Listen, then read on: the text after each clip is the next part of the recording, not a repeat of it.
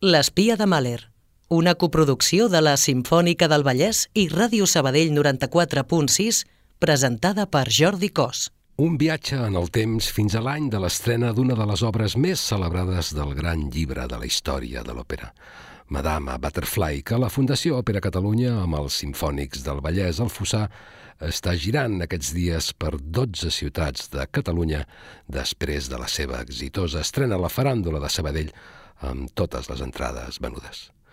Amb la guia experta de B. Aguilar al control tècnic perquè veu i música sonin com cal, avui us convidem a explorar la bellesa de la música que penja del fil del mateix any en què Puccini confirmava la seva immortalitat amb Madama Butterfly. Un retrat musical de l'any 1904 a l'espia de Mahler. Un vell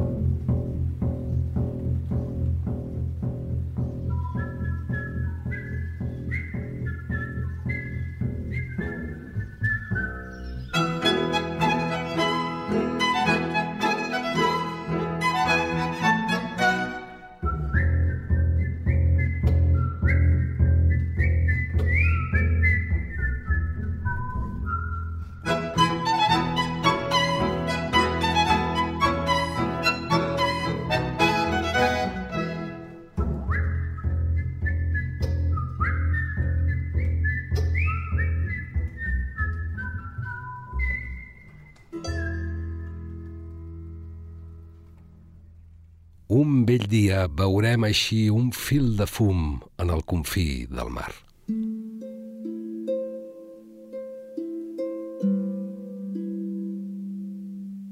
I després apareixerà el vaixell.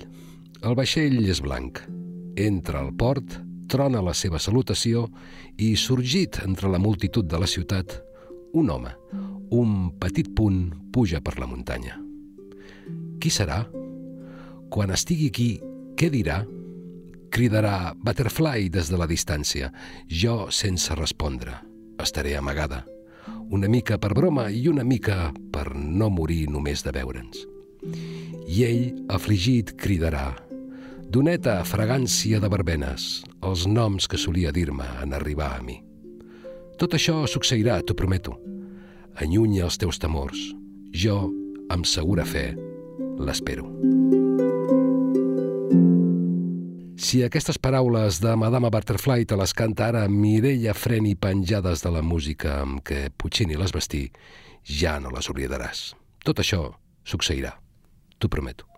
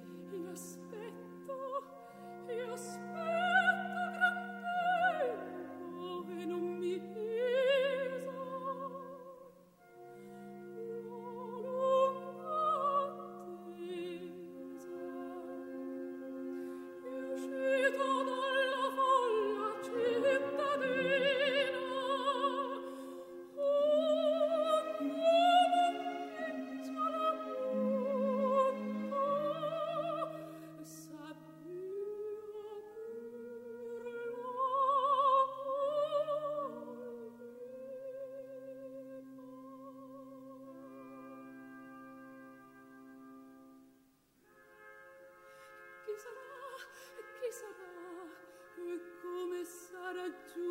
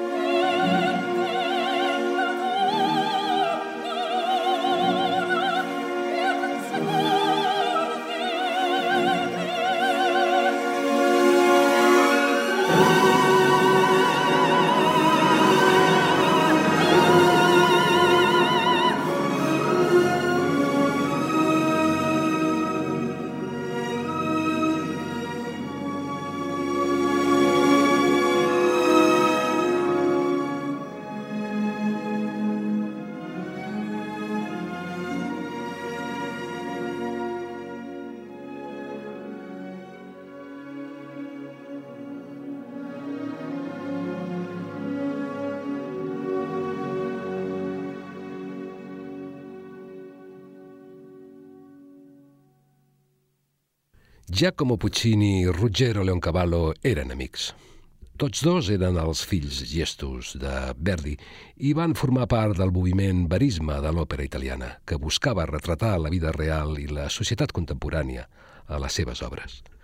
Tant Puccini com Leoncavallo van compondre òperes centrades en històries d'amor apassionat, tragèdia i mort – i eren amics, sí, fins al dia que amb dos van descobrir que estaven component una òpera amb el mateix argument i títol, la Bohème. I els amics es tornaren enemics.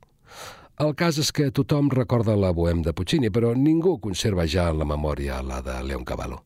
El que sí recordem d'ell és aquesta cançó que va escriure per al mític tenor Enrico Caruso, que l'enregistrà el mateix any que Puccini estrenà Madame Butterfly.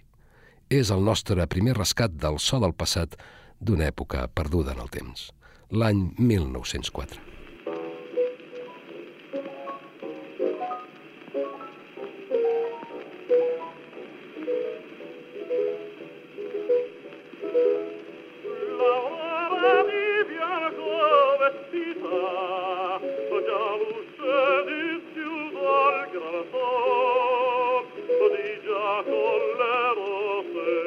L'alba vestida de blanc ja s'obre la porta al gran sol.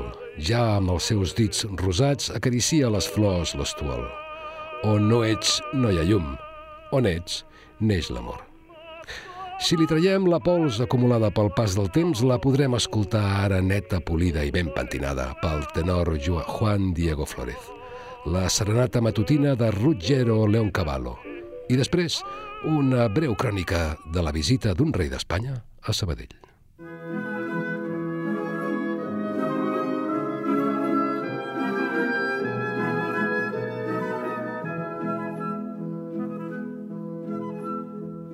L'aurora di bianco vestita già l'uscio dischiude al gran sol di già con le rose sue dita piazza dei fiori lo stuo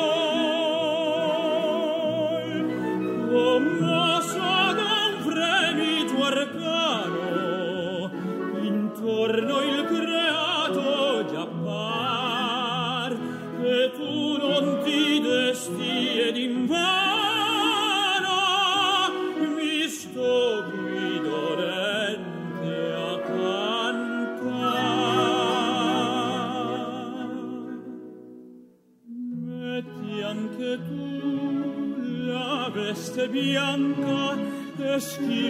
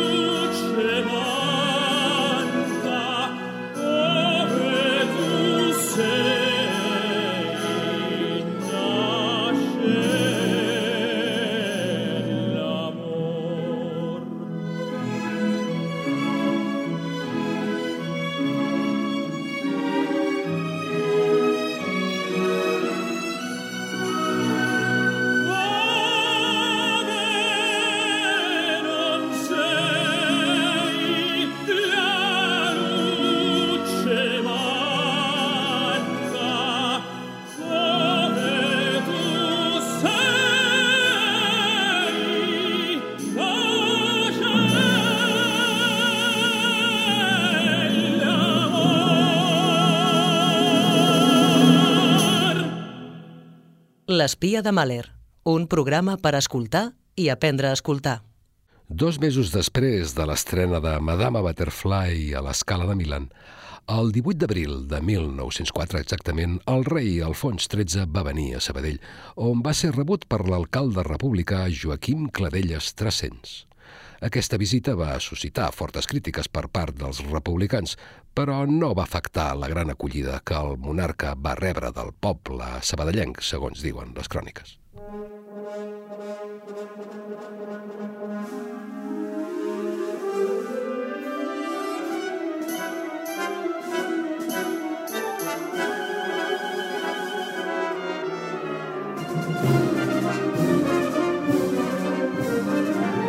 Després de la recepció oficial, l'Ajuntament Alfons XIII va visitar l'hospital i la Casa de Beneficència i va posar la primera pedra de la caixa d'estalvis al carrer de Gràcia. Més tard, va anar fins al gremi de fabricants, on va prometre impulsar el desenvolupament de la indústria. Va visitar una exposició de productes fabricats a Sabadell, així com la fàbrica de quadres i grau. Malgrat la gran efervescència popular que va acompanyar la seva visita, les entitats progressistes i laiques van refusar d'assistir-hi, mantenint-se al marge de l'acte. Abans de marxar, el rei va donar 2.000 pessetes per als pobres, tancant així una visita que les cròniques diuen que va deixar una empremta indeleble en la història de la vila de Sabadell. Durant la seva estada, el rei va visitar també l'Acadèmia de Belles Arts, on va admirar les obres dels seus alumnes, així com una exposició d'olis de Joan Vilacinca i les fotografies de Joan Vilatubà, algunes d'elles amb dones nues. Tant el monarca, un fervent consumidor de pornografia, com el governador civil van adquirir nombroses d'aquestes instantànies i es van imprimir targetes commemoratives amb el retrat del rei i uns versos de Ribot i Serra que deien Hoy Sabadell se estremece con alegría infinita al recibir la visita de su rei, Alfonso XIII. El mateix any que Madama Butterfly es feia el harakiri per primer cop al Teatre de l'Escala de Milà, 1904. La llei del descans dominical que prohibia treballar els diumenges va ser promulgada a Espanya pel rei Alfons XIII, precisament el 3 de març de 1904.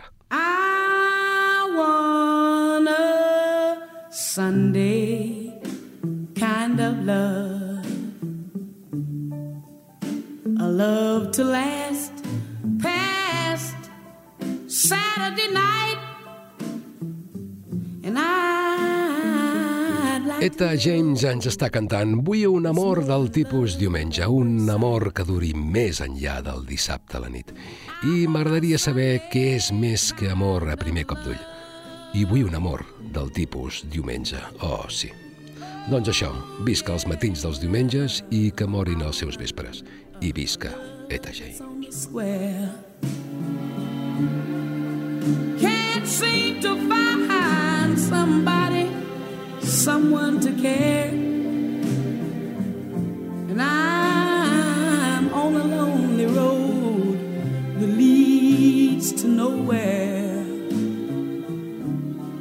I need a Sunday kind of love.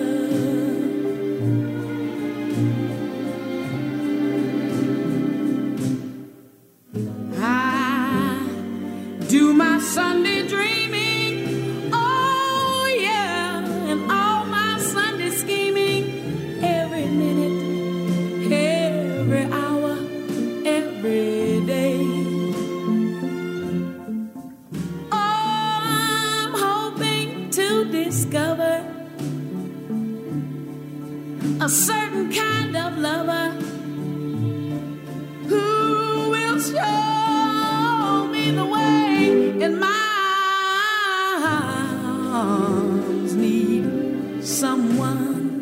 Someone, to enfold to keep me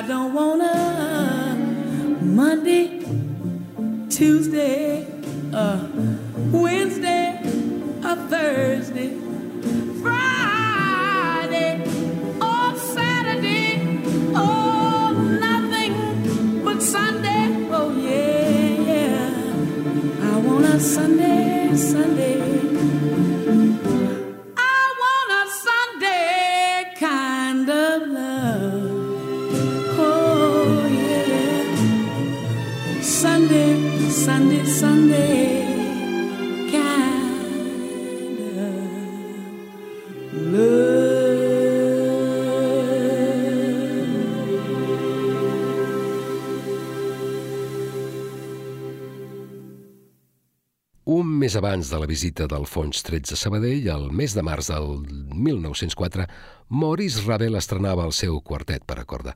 Dedicat al seu amic i professor Gabriel Fauré, la partitura s'ha consolidat com una de les grans obres mestres del gènere. Fauré, un desagradit, la va criticar dient que aquella música era un error.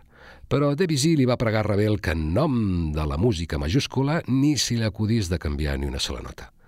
Ravel, amb molt bon criteri, va fer cas abans a Debussy que el seu antic mestre Fauré. Escoltem el seu moviment més animat en les mans de quatre grans músics catalans. Lluís Castan, Judit Bardolet als violins, Miquel Jordà a la viola i Jesús Miralles al violoncel. Resumits en un nom, el quartet Gerard.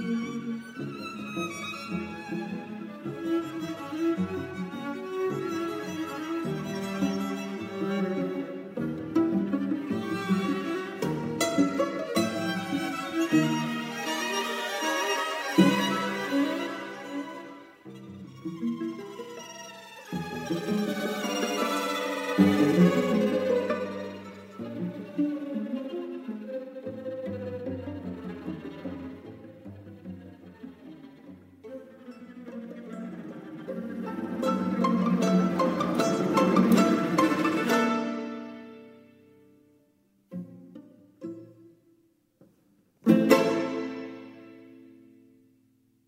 Dos mesos després de l'estrena de Madama Butterfly a l'escala de Milan, el 21 d'abril del 1904 va néixer a Red Bank, New Jersey, William James Basie, més conegut per Count Basie, un cèlebre músic de jazz estatunidenc que va crear la Count Basie Orquestra l'any 1935, que liderà durant gairebé 50 anys. Molts músics van adquirir notorietat a la seva ombra, com el mític Lester Young. I també va anar a la Lluna i ens va dur a la Lluna amb aquest tema que va ser la primera música que va sonar en el nostre satèl·lit per gràcia del magnetòfon que duia l'astronauta Buzz Aldrin. L'escoltem de la mà de La Veu, La Veu amb majúscules Frank Sinatra, acompanyat, és clar, per Count Basie. Fly me to the moon, let me play among the stars. And let me see what spring is like on a Jupiter and Mars. In other words, hold my hand. In other words, baby, kiss me. Fill my heart with song and let me sing forevermore. You are all I long for, all I worship and adore. In other words, please be true. In other words,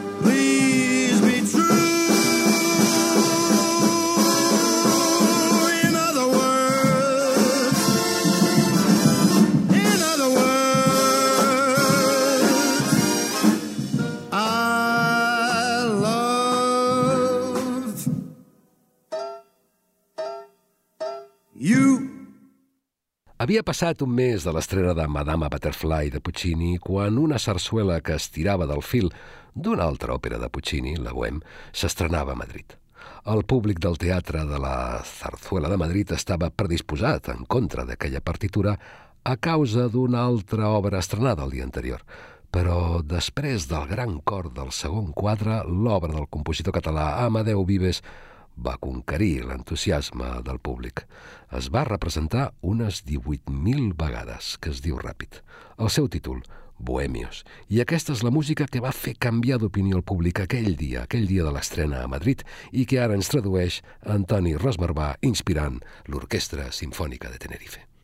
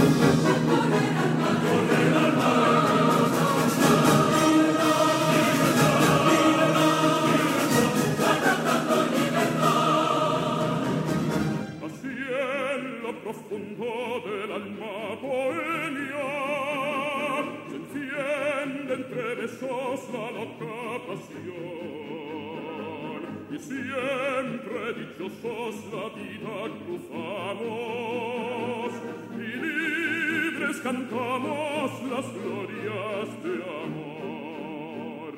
Y libres cantamos las glorias de amor las glorias de amor Oh,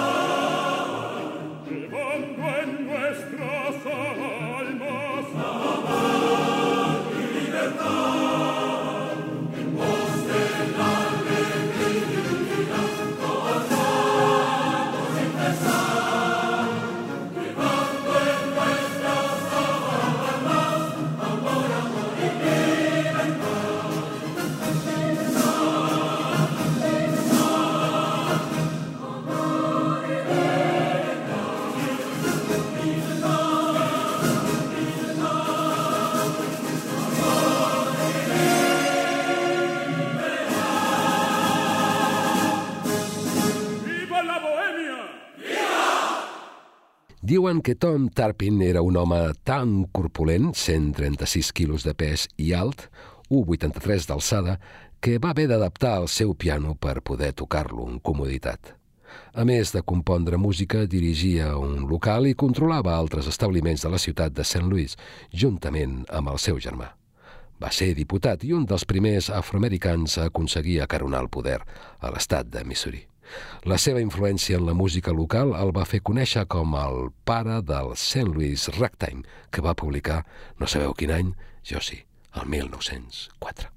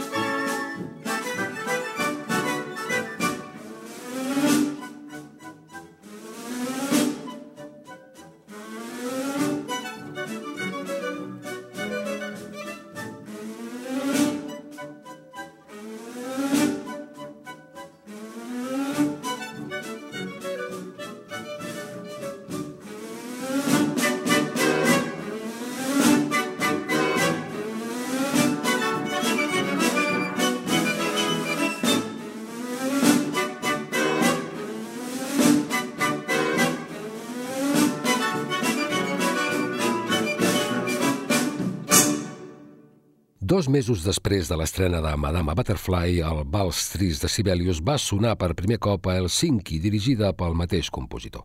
El vals és part de la música incidental per a l'obra de teatre Koulema, La mort, del seu cunyat Arvid Jennerfeld. És una peça breu i melangiosa que descriu un ball trist en un somni. Ens ho expliquen els músics de la Filarmònica de Berlín, dirigida, com sempre, amb els ulls tancats per Herbert von Karajan. Mm-hmm.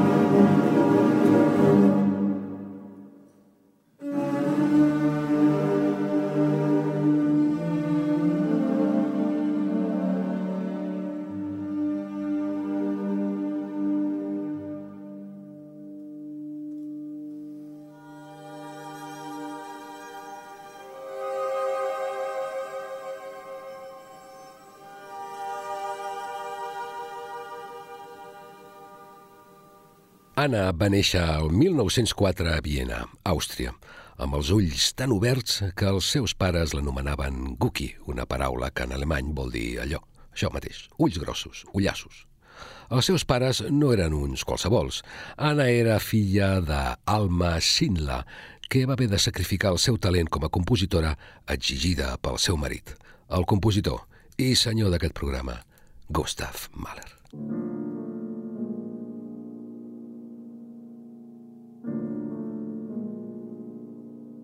La petita Anna era un Licht in der Nacht, una llum en la nit, com ens està dient aquesta cançó composta per Alma Schindler, extreta del llibre de poemes El laberint de l'amor que l'escriptor Otto Julius Bierbaum publicà l'any 1901 i que de seguida es va fer molt popular. És la descripció poètica de la nit fosca i la solitud. Diu el text, nit fosca al voltant, embolcalla'm en negre.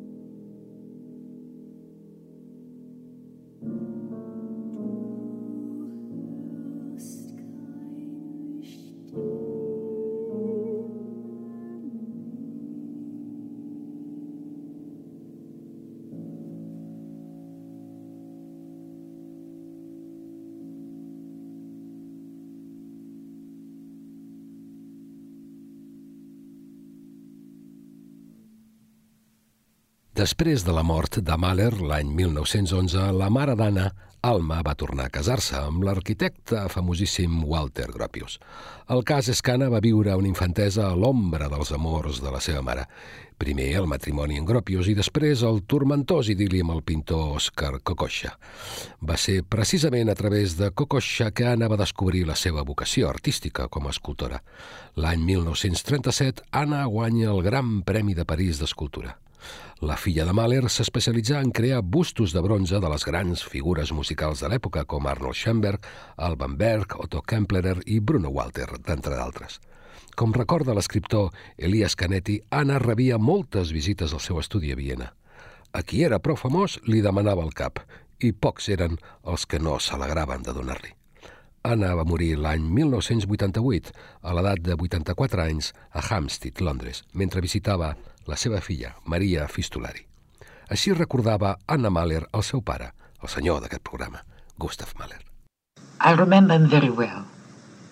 I was nearly seven when he died. El recordo But molt bé. My memories Jo tenia gairebé set anys quan ell va morir. Els meus records no són They are anècdotes. No tinc res a dir sobre això, voice. però recordo la seva veu, recordo les seves mans, recordo la seva manera de caminar, molt estranya. Sé exactament com era perquè vaig caminar amb ell. La gent diu que era un tic nerviós. No, no ho era.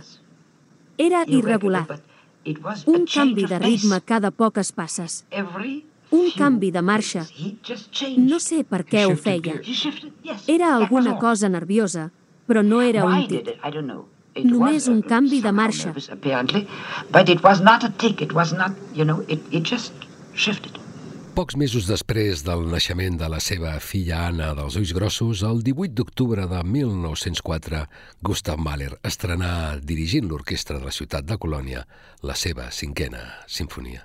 El seu quart moviment, el cèlebre Adagietto, gràcies a la pel·lícula de l'any 1971, Mort a Venècia, del director de cinema Luchino Visconti, és l'obra més celebrada de Mahler per a tot tipus de melòmens, tant els fidels com els només ocasionals fou ideat com una cançó d'amor cap a la seva esposa, Alma. Sí, sí, Alma, a qui no li deixava compondre. Segons una carta que ella va escriure al director d'orquestra Wilhelm Mengelberg, la música és la traducció musical d'aquest breu poema que Mahler li va escriure. De quina manera t'estimo el meu raig de sol, no puc dir-t'ho en paraules. Només el meu amor i la meva felicitat puc declarar amb angoixa. Paraules que sonen així si les traduïm en aquesta música que ara comença a sonar a les mans dels filarmònics de Viena, ben animats per Leonard Bernstein.